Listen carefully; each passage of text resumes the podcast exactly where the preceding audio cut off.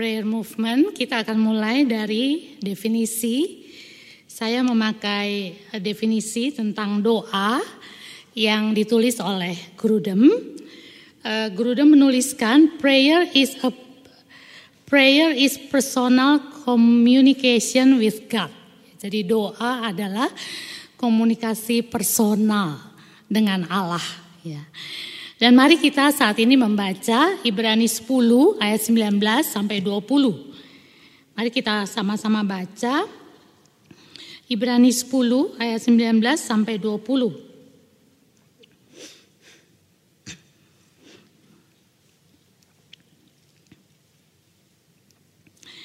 Satu dua ya. Jadi saudara-saudara, oleh darah Yesus kita sekarang penuh keberanian dapat masuk ke dalam tempat kudus karena ia telah membuka jalan yang baru dan yang hidup bagi kita melalui tabir yaitu dirinya sendiri. Saudara-saudara terkasih bisa mengalami yang namanya doa, bisa datang menghadap Tuhan, berkomunikasi secara personal dengan Tuhan itu sebenarnya bagi manusia berdosa adalah hal yang mustahil. Dan itu digambarkan dalam Ibrani 10. Itu konteks latar belakang perjanjian lama. Dalam perjanjian lama atau dalam kehidupan beribadah Israel dalam bait Allah itu ada ruang yang namanya ruang maha kudus. Kalau dalam NIV ayat 19 itu ditulisnya the most holy place. Di dalam tempat maha kudus Allah menyatakan diri berkenan dijumpai. Ya, jadi dalam ruang maha kudus Allah berkenan menyatakan dirinya mau dia berkenan untuk dijumpai. Tetapi yang bisa menjumpai Allah, yang bisa menghadap Allah dalam ruang Maha Kudus hanyalah imam besar. Dan itu pun sekali setahun. Dan itu pun harus mengakui, mengakui dosa pribadi, keluarga, bangsa. Jadi ada sebuah tindakan memberi diri disucikan Allah. Seandainya imam besar tidak melakukan itu ketika dia berani masuk ke ruang maha kudus menjumpai Allah, maka dia akan mati. Dan ayat 19 berkata, jadi saudara-saudara oleh darah Yesus kita sekarang penuh keberanian dapat masuk ke dalam tempat maha kudus. Jadi tempat di mana Allah berkenan dirinya dijumpai itu terbuka. Dan itu berkat darah Yesus. Itu sebabnya kalau kita membaca kitab Injil, ketika Yesus menyerahkan nyawanya mati di kayu salib, pada saat yang bersamaan tabir bait suci terbelah dua dari atas sampai ke bawah. Menyatakan bahwa oleh darah Yesus tidak hanya imam besar yang bisa berjumpa dengan Allah dan tidak hanya sekali setahun, tetapi siapa pun yang telah menikmati karya Kristus di kayu salib bisa menjumpai Allah. Prayer is a personal communication with God. Itu hanya bisa dialami berkat darah Kristus. Oleh sebab itu, murid Kristus yang tidak tidak apa ya? Tidak memberi diri untuk menikmati perjumpaan dengan Allah di dalam doa adalah murid Kristus yang tidak menghargai karya salib Kristus, yang tidak menghargai darah Kristus yang telah tercurah, yang membuat kita bisa menikmati perjumpaan langsung dengan Allah. Dan itulah prayer. Dan sekarang kita membaca Ibrani 4. Ibrani 4 kita baca ayat 14 sampai 16. Yesuslah imam besar kita. Ibrani 4 ayat 14 sampai 16. Satu dua ya. Karena kita sekarang mempunyai imam besar agung yang telah melintasi semua langit. Yaitu Yesus anak Allah Baiklah kita teguh berpegang pada pengakuan iman kita. Sebab imam besar yang kita punya bukanlah imam besar yang tidak dapat turut merasakan kelemahan-kelemahan kita. Sebaliknya, sama dengan kita, ia telah dicobai, hanya tidak berbuat dosa. Sebab itu, marilah kita dengan penuh keberanian menghampiri tata kasih karunia, supaya kita menerima rahmat dan menemukan kasih karunia untuk mendapat pertolongan kita pada waktunya. Apa yang kita lakukan ketika doa? Apa yang kita lakukan ketika kita berbicara personal kepada Allah? Itulah ayat 16 itu. Kita datang menghampiri tahta kasih karunia supaya menerima rahmat dan menemukan kasih karunia untuk mendapat pertolongan kita pada waktunya. Saudara-saudara terkasih, membangun kerajaan Allah itu adalah pekerjaan Allah, bukan pekerjaan manusia. Membangun hidup manusia berdosa menjadi murid Kristus itu kesanggupan Allah bukan kesanggupan manusia. Dan itu hanya bisa dilakukan oleh saudara dan saya yang bersekutu dengan Allah, menghadap tahta kasih karunia Allah, menerima rahmat dan kasih karunia, baru di sanalah kita bisa menikmati pertolongan pada waktu Allah. Jadi saudara, Membangun kerajaan Allah itu hanya bisa dengan kekuatan Allah, hanya bisa dengan tenaga Allah. Dan itulah sebabnya kenapa doa itu penting. Ketika kita berdoa, kita menyekutukan diri kita yang terbatas dengan Allah yang tidak terbatas. Kita menyekutukan diri, ya, tenaga kita, kita serahkan kepada Tuhan, sehingga kita bisa memuridkan dengan tenaga Allah. Barulah di sana pekerjaan pemuridan bisa dikerjakan. Karena tenaga Allah, kekuatan Allah, pekerjaan Allah. Apa itu prayer movement? Prayer movement itu adalah gerakan berdoa.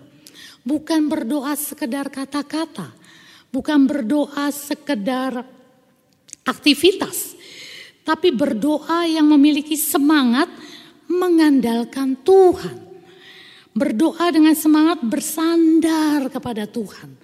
Karena hanya Tuhan yang bisa mewujudkan visi PMK. Hanya Tuhan.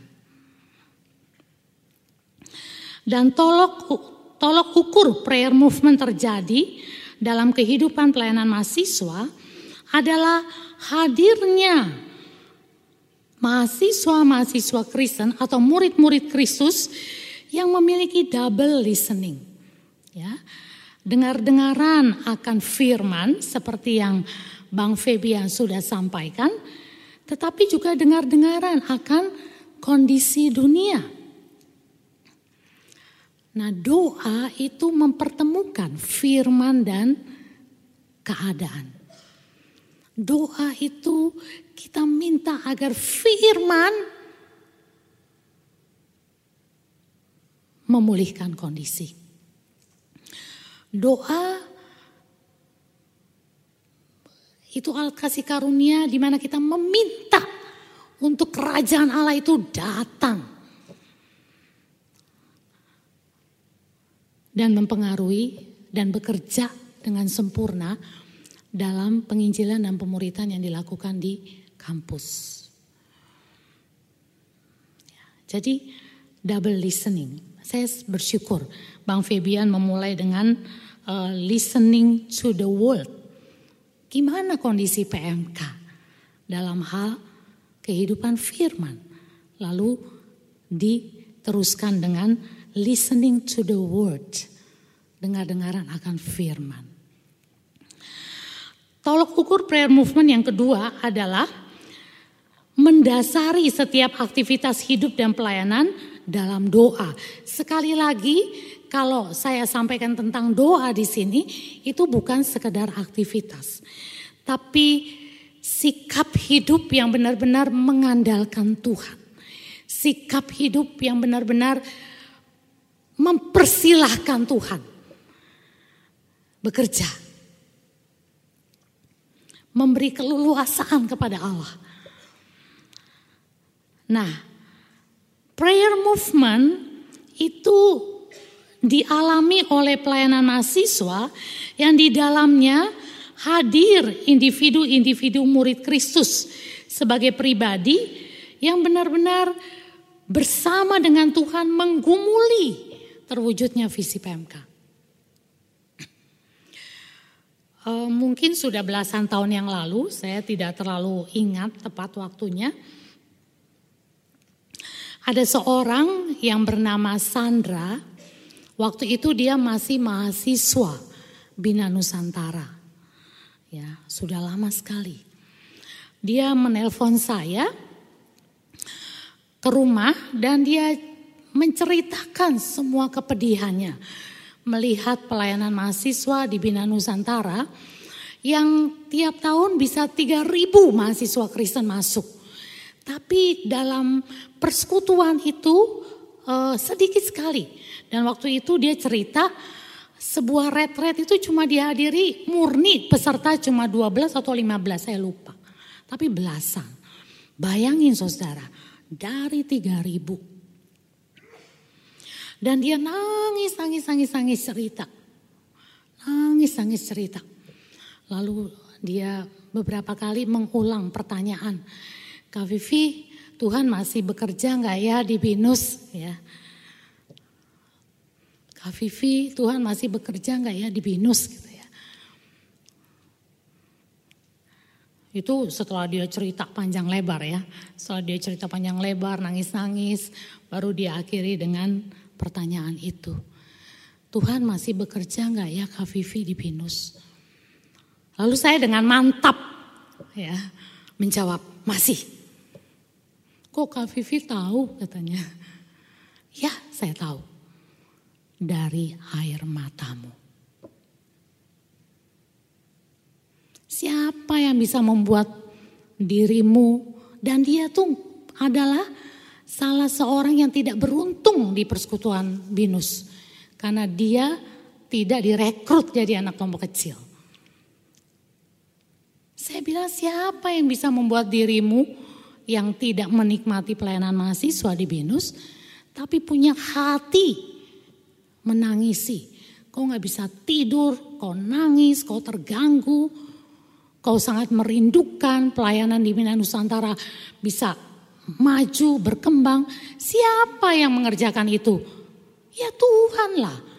Jadi kalau kau tanya, masih nggak Tuhan bekerja di Binus? Masih. Yang membuatmu menangis itu Tuhan.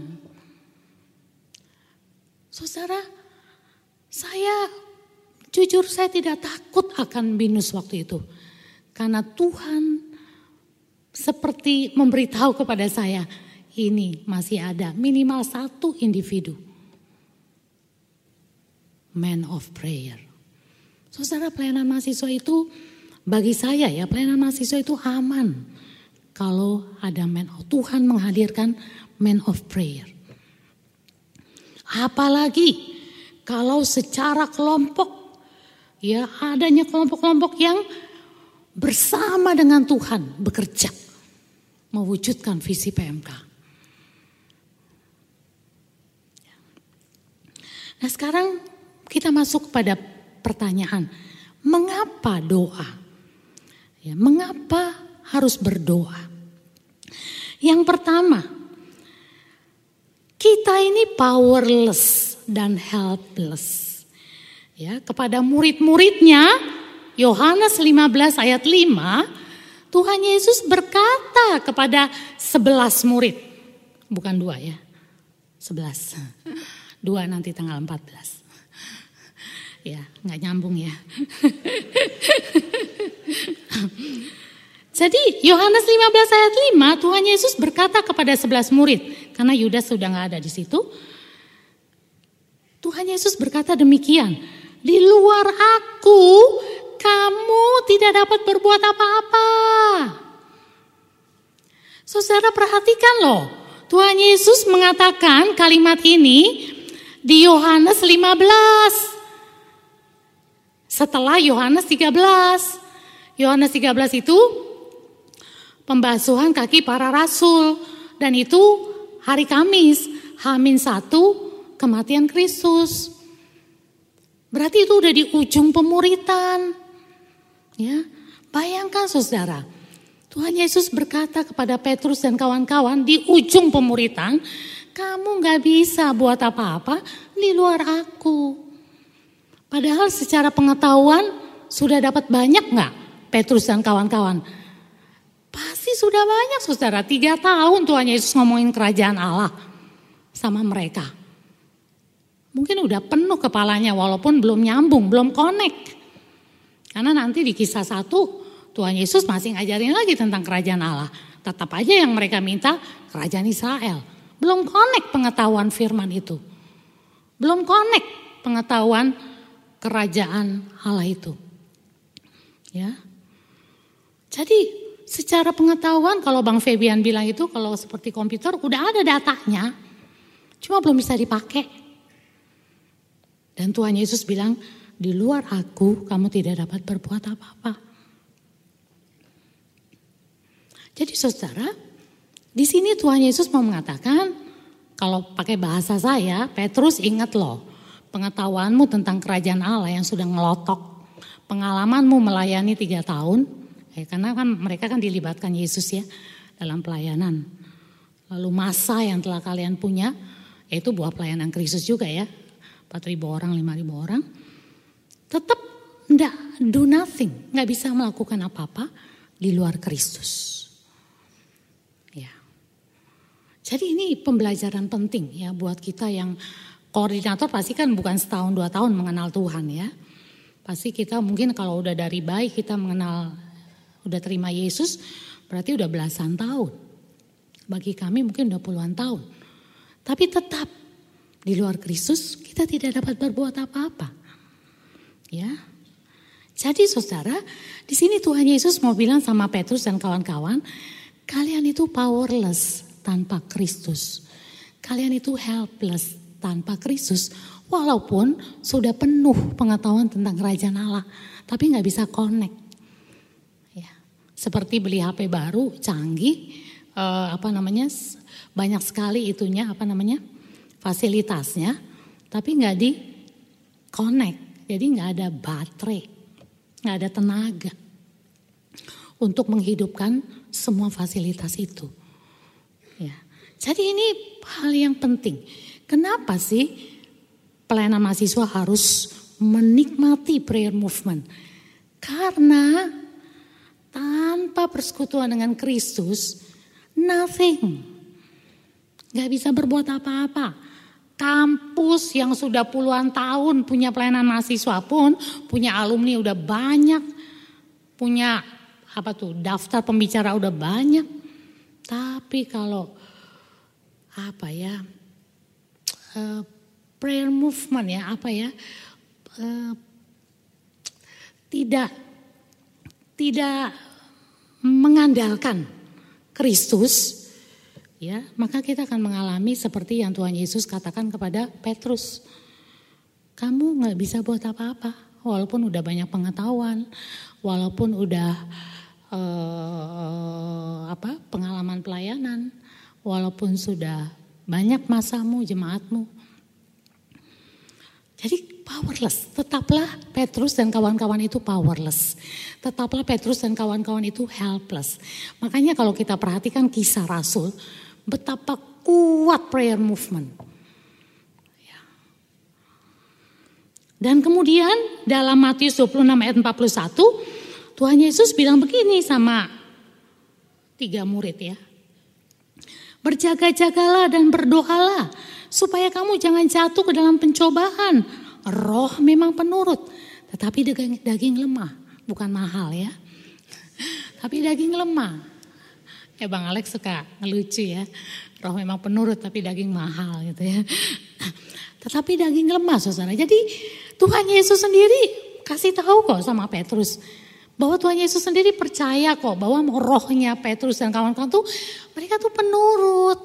Tetapi roh mereka tuh masih ada dalam daging yang lemah. Kalau tidak ada topangan kekuatan ilahi, maka yang mendominasi adalah daging yang lemah itu. Bukan roh yang penurut itu. Dan itu terjadi di Taman Getsemani. Ya, Petrus tidak berdoa. Makanya dia eh, bagi saya penyangkalan Petrus itu kegagalannya bukan waktu di penyangkalan, kegagalannya di Taman Getsemani dia tidak mentaati perintah Tuhan Yesus. Tuhan Yesus bilang berdoa dia nggak berdoa, ya jadi nggak punya kekuatan ilahi untuk dia bisa tidak menyangkal Yesus. Sementara Yesus sendiri dalam kemanusiaannya dia berdoa sampai uh, apa Eh, tetes keringatnya seperti tetes darah. Ya, sehingga di kitab Lukas dicatat ada malaikat Allah memberikan kekuatan. Jadi saudara, mungkin kalau Tuhan celikan mata kita ya, kalau kita benar-benar doa menghadap Tuhan, bersekutu dengan Tuhan, kalau Tuhan celikan mata kita, kita bisa melihat malaikat Allah turun memberikan kekuatan. Iya, tapi Tuhan nggak kasih supaya kita nggak takut ya. Kalau kalau saya sih nggak mau lihat ya, nanti saya kabur. ya, tapi itulah yang terjadi di dalam uh, misteri itu ya, dunia spiritualitas itu.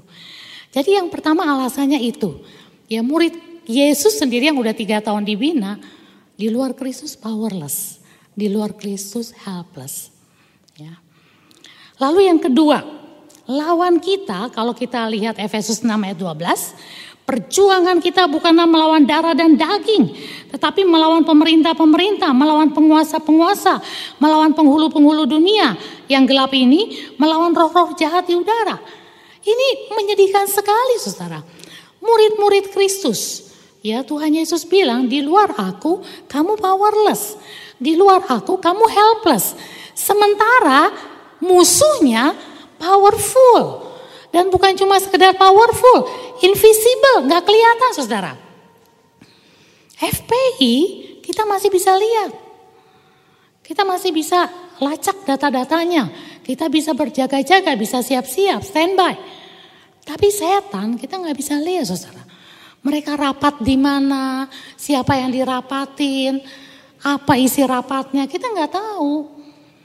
Ya kan di sini pemerintah-pemerintah, penguasa-penguasa, berarti ada meeting-meeting dong ya.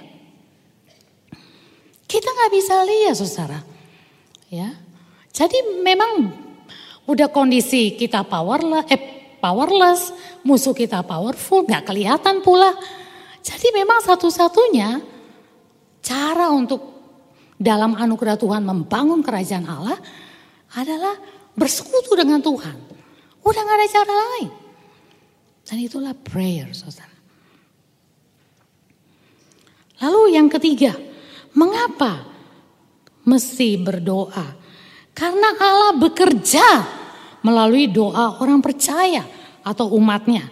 Ya ini saya baca aja karena waktu terbatas ya, nanti kalian bisa cek.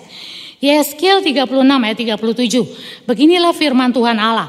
Dalam hal ini juga aku menginginkan supaya kaum Israel meminta daripadaku. Bayangin saudara, Tuhan minta supaya Israel minta. Tuhan loh yang minta Israel berdoa. Ya. Aku menginginkan supaya kaum Israel meminta daripadaku apa yang hendak kulakukan bagi mereka, yaitu membuat mereka banyak seperti lautan manusia. Waktu itu memang tentara Israel udah banyak yang mati saudara. Dan Tuhan bilang, aku minta kalian minta. Aku mau melakukan nih, aku mau buat nih, Israel makin banyak nih. Minta, minta, minta, gitu. Nah nanti di Yeskiel pasal 37, Tuhan menghidupkan tulang-tulang para prajurit. Jadi mujizat itu. Jadi intinya Tuhan mau ah, Alkitab mengajarkan apa? Alkitab mengajarkan bahwa Tuhan mau bekerja nih, ya apa yang hendak kulakukan. Tapi Tuhan minta Israel untuk minta. Dengan perkataan lain, Tuhan mau bekerja melalui doa dari orang percaya, murid Kristus, umat Allah. Nah, kalau di Matius 7 Firman Tuhan berkata, mintalah. Ini Tuhan loh yang ngomong. Tuhan Yesus loh yang ngomong, khotbah di bukit nih ya. Tuhan Yesus bilang, mintalah. Maka akan diberikan kepadamu. Carilah, maka kamu akan mendapat. Ketuklah, maka pintu akan dibukakan bagimu. Nah, dalam kitab Yakobus itu orang percaya yang menerima surat Yakobus mengalami secara negatif bagian ini ya, kamu tidak memperoleh apa-apa. Kenapa? Enggak berdoa. Ini pengalaman yang dialami oleh komunitas Yakobus. Nah, ini pengalaman saudara. Jangan sampai pelayanan mahasiswa kita mengalami seperti yang dialami oleh komunitas Yakobus. Ya, kita nggak dapat murid, yang ada yang minta. Ya, jangan sampai ya. Nah, sekarang masuk pada pertanyaan berikut, bagaimana berdoa? Ya. Yang pertama, berdoa dalam dan untuk kebenaran. Ini udah dibahas oleh Bang Febian. Saya bersyukur sekali ya. Jikalau kamu tinggal di dalam aku dan firmanku tinggal di dalam kamu, ya jadi ini seperti yang Bang Febian bilang, firman. Jadi sudah tinggal dalam Kristus, lalu juga sudah tinggal dalam firman, tapi Tuhan Yesus nggak berhenti sampai di situ. Tuhan Yesus bilang, mintalah apa saja yang kamu kehendaki. Jadi kalau orang udah hidup dalam firman, pasti yang diminta adalah kebenaran. Gak mungkin minta yang aneh-aneh. Gak mungkin kalau orang udah ngerti firman, gak mungkin minta sama Tuhan. Oh Tuhan, oh, kasih uh, Muhammad dong buat saya gitu ya. Saya jatuh cinta Tuhan sama Muhammad. Lah, kamu ngerti firman gak? Kan Tuhan bilang terang dan gelap tidak bisa bersatu. Jadi kalau orang ngerti firman, dia nggak akan minta yang aneh-aneh. Ya, makanya di sini dikatakan, jikalau kamu tinggal di dalam aku dan firmanku tinggal di dalam kamu, Mintalah apa saja. Bayangin Tuhan Yesus berani menjamin loh. Mintalah apa saja. Karena normalnya orang yang tinggal dalam firman, apa saja yang dia minta adalah berada di dalam lingkaran firman, kebenaran. Gak mungkin minta yang aneh-aneh. Nah, jadi Tuhan Yesus bilang, mintalah. Ya firman demi firman yang kamu pelajari itu minta, minta. Dan Tuhan Yesus janji kamu akan menerimanya. Jadi saudara, Bible and prayer movement itu nggak bisa terpisah, nggak bisa. Sungguh-sungguh nggak bisa. Ya, ketika kita belajar firman, kita makin sadar, gue ini powerless. Musuh gue itu powerful. Tapi bersyukur punya Tuhan yang di dalam Kristus we meet God unafraid. Ya, in Jesus Christ we meet God unafraid. Itu lagu Declare His Glory. Ya. Jadi uh, ketika kita sudah belajar firman sama Bang Febian, ya tidak bisa tidak saudara. Orang yang menikmati firman dengan sendirinya akan menjadi orang yang berdoa.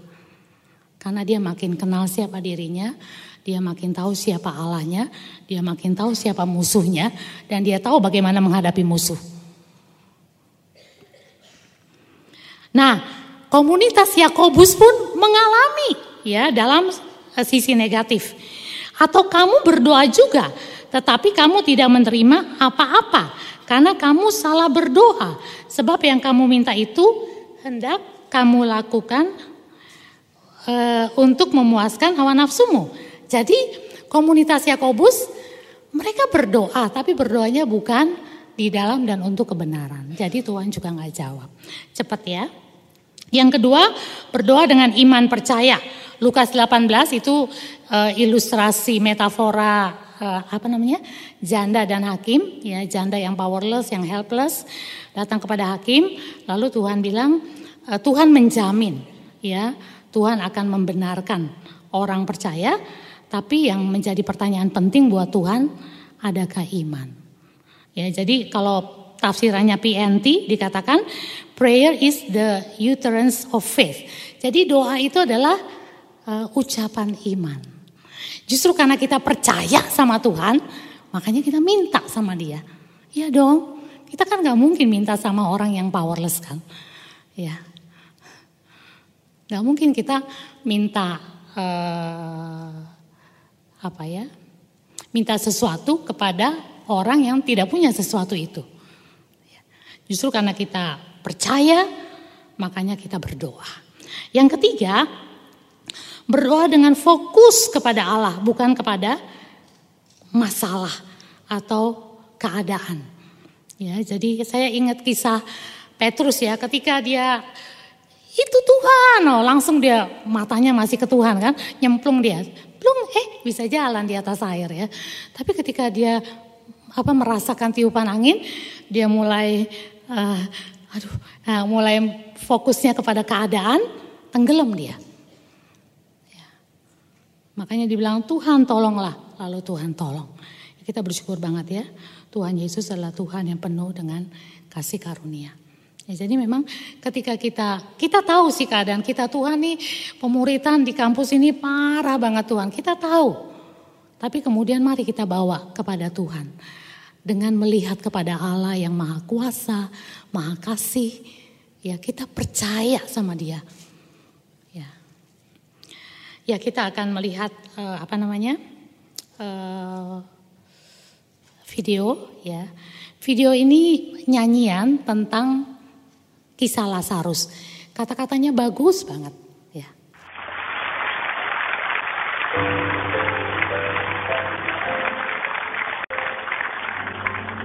The news came to Jesus. Please come in. Lazarus is sick, and without your help, he will not last. Mary and Martha watched their brother die. They waited for Jesus he did not come, and they wonder why. The death watch was over. Buried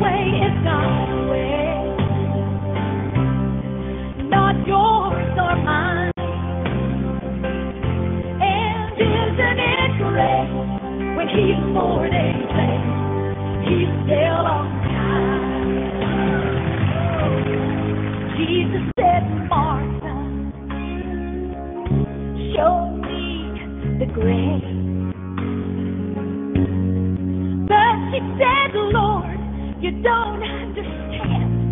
He's been there four days. The gravestone was rolled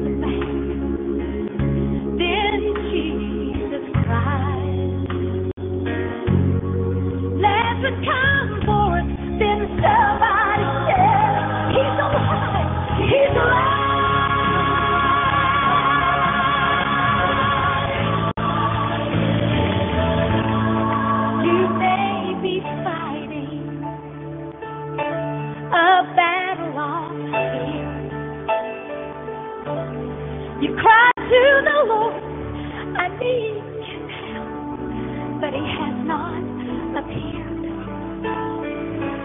Friend, don't be discouraged, cause He's still the same.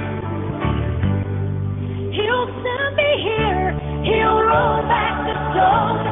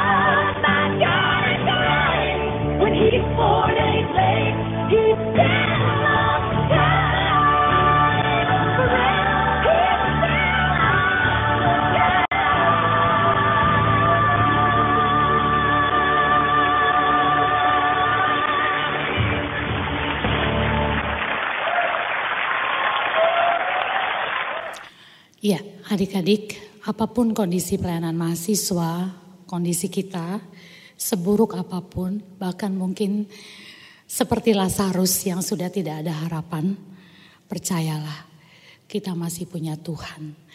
Sesungguhnya Tuhan Yesuslah yang paling merindukan pelayanan mahasiswa menghasilkan murid-murid yang membangun kerajaan Allah. Bersekutulah dengan dirinya. Pelayanan mahasiswa yang mengalami Bible and Prayer Movement tidak bisa tidak akan menghasilkan murid-murid Kristus yang berbuah. Bahkan Yohanes 15 mencatat murid-murid Kristus yang berbuah banyak yang menerangi dan menggarami dunia. Amin.